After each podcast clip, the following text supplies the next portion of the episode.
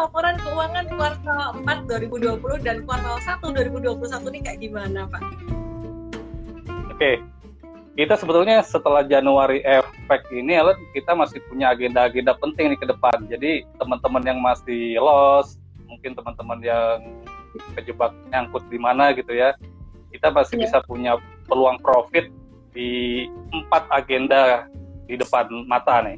Yang pertama laporan keuangan akhir tahun 2020 yang publish mungkin sejak pertengahan Februari sampai Maret. Dan mayoritas itu publishnya itu di Maret. Kemudian yang kedua laporan keuangan kuartal 1 2021 itu di pertengahan April, hampir-hampir dekat akhir April. Artinya euforia setelah laporan keuangan Q4 publish, kemudian langsung disambung lagi dengan kuartal 1 2021 Nah, poin pentingnya di kuartal 1 nih Ellen, ini awal mula tahun 2021. Artinya banyak banget opportunity di kuartal 1 2021 untuk nemuin saham-saham yang punya potensi naik 50 sampai 100% karena efek dari laporan keuangan. Kemudian agenda lainnya itu ada bulan puasa per 13 April atau 14 April kita ketemu sama yang namanya bulan puasa sebulan penuh dan yang keempat itu dividen. Jadi ada dividen uh, setelah after kuartal 4 di report biasanya beberapa emiten sudah menyiapkan berapa uh, porsi payout ratio yang dibagikan dividen kepada investor-investor mereka. Mungkin itu empat agenda penting kita ke depannya, Alan. Oke, menarik banget ya Pak ya. Kita mau bahas satu-satu ini Pak. Uh, bicara tentang laporan keuangan akhir tahun 2020 atau laporan keuangan full year. Ini kan jadi sering kali menjadi patokan ya laporan keuangan yang menurut eh, nggak uh, tahu ya benar atau enggak dampaknya tuh paling besar untuk analisis gitu jadi satu patokan analisis.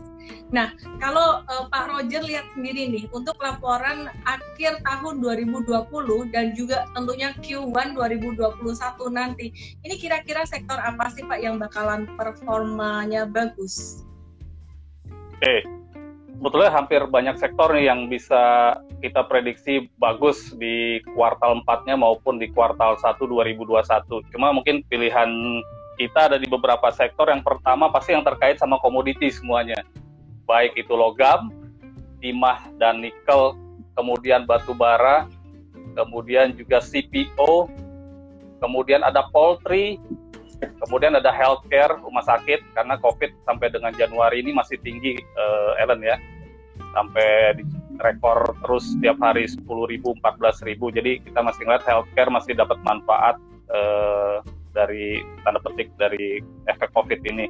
Kemudian kita juga ngelihat uh, pulp, ini juga komoditi juga. Ini karena apa? Rata-rata komoditi itu mulai naik itu sejak kuartal 3 dan kuartal 4 makin membaik, kuartal 1 masih bertahan di level yang cukup tinggi. Jadi kita prediksi kayak Antam, Inco, Tima, INKP, Kiwi Kimia, LC, Pak Ali itu akan spektakuler eh, laporan keuangannya di Q4 maupun beberapa di Q1 juga masih bagus. Kemudian di poultry kita seperti main Java itu juga akan mendapat manfaat dari program Kaling pengafkiran. Karena Kaling pengafkiran itu diperpanjang oleh pemerintah sampai dengan Februari 2021 dan sejak kuartal 4 harga broiler itu sudah tembus 20.000. Padahal di Januari sampai dengan kuartal 3 itu harga broiler itu masih di 16.000 sampai 15.000. Artinya ada kenaikan signifikan di kuartal 4 eh, di broiler dan kuartal 1 ini juga masih di atas 20.000 dan seperti Malindo ini kita tahu tahun 2020 sampai dengan kuartal 3 masih rugi. Nah, kita prediksi 2021 dia bisa mencetak laba kurang lebih 140 150 miliar. Kemudian Java sampai dengan kuartal 3 cuma laba 290 miliar, kita targetkan bisa 1,4 triliun. Terlebih lagi Java sudah ngambil so good, artinya mulai kuartal 4 eh, laba so good ini akan masuk konsolidasi ke Java sehingga kita eh, merekomendasikan saham di poultry juga. Kemudian di healthcare kita tahu bahwa uh, COVID reimbursement atau rumah sakit dapat pendapatan lebih tinggi dari pasien COVID ketimbang non-COVID itu 2 sampai 3 kali lipat. Dan alokasi untuk COVID sendiri itu kurang lebih 85 sampai 90 persen terisi uh, rumah sakit. Jadi kita tetap uh, rekomendasikan saham seperti Mika, Mitra Keluarga Karya Sehat dan juga Hel Hermina ya.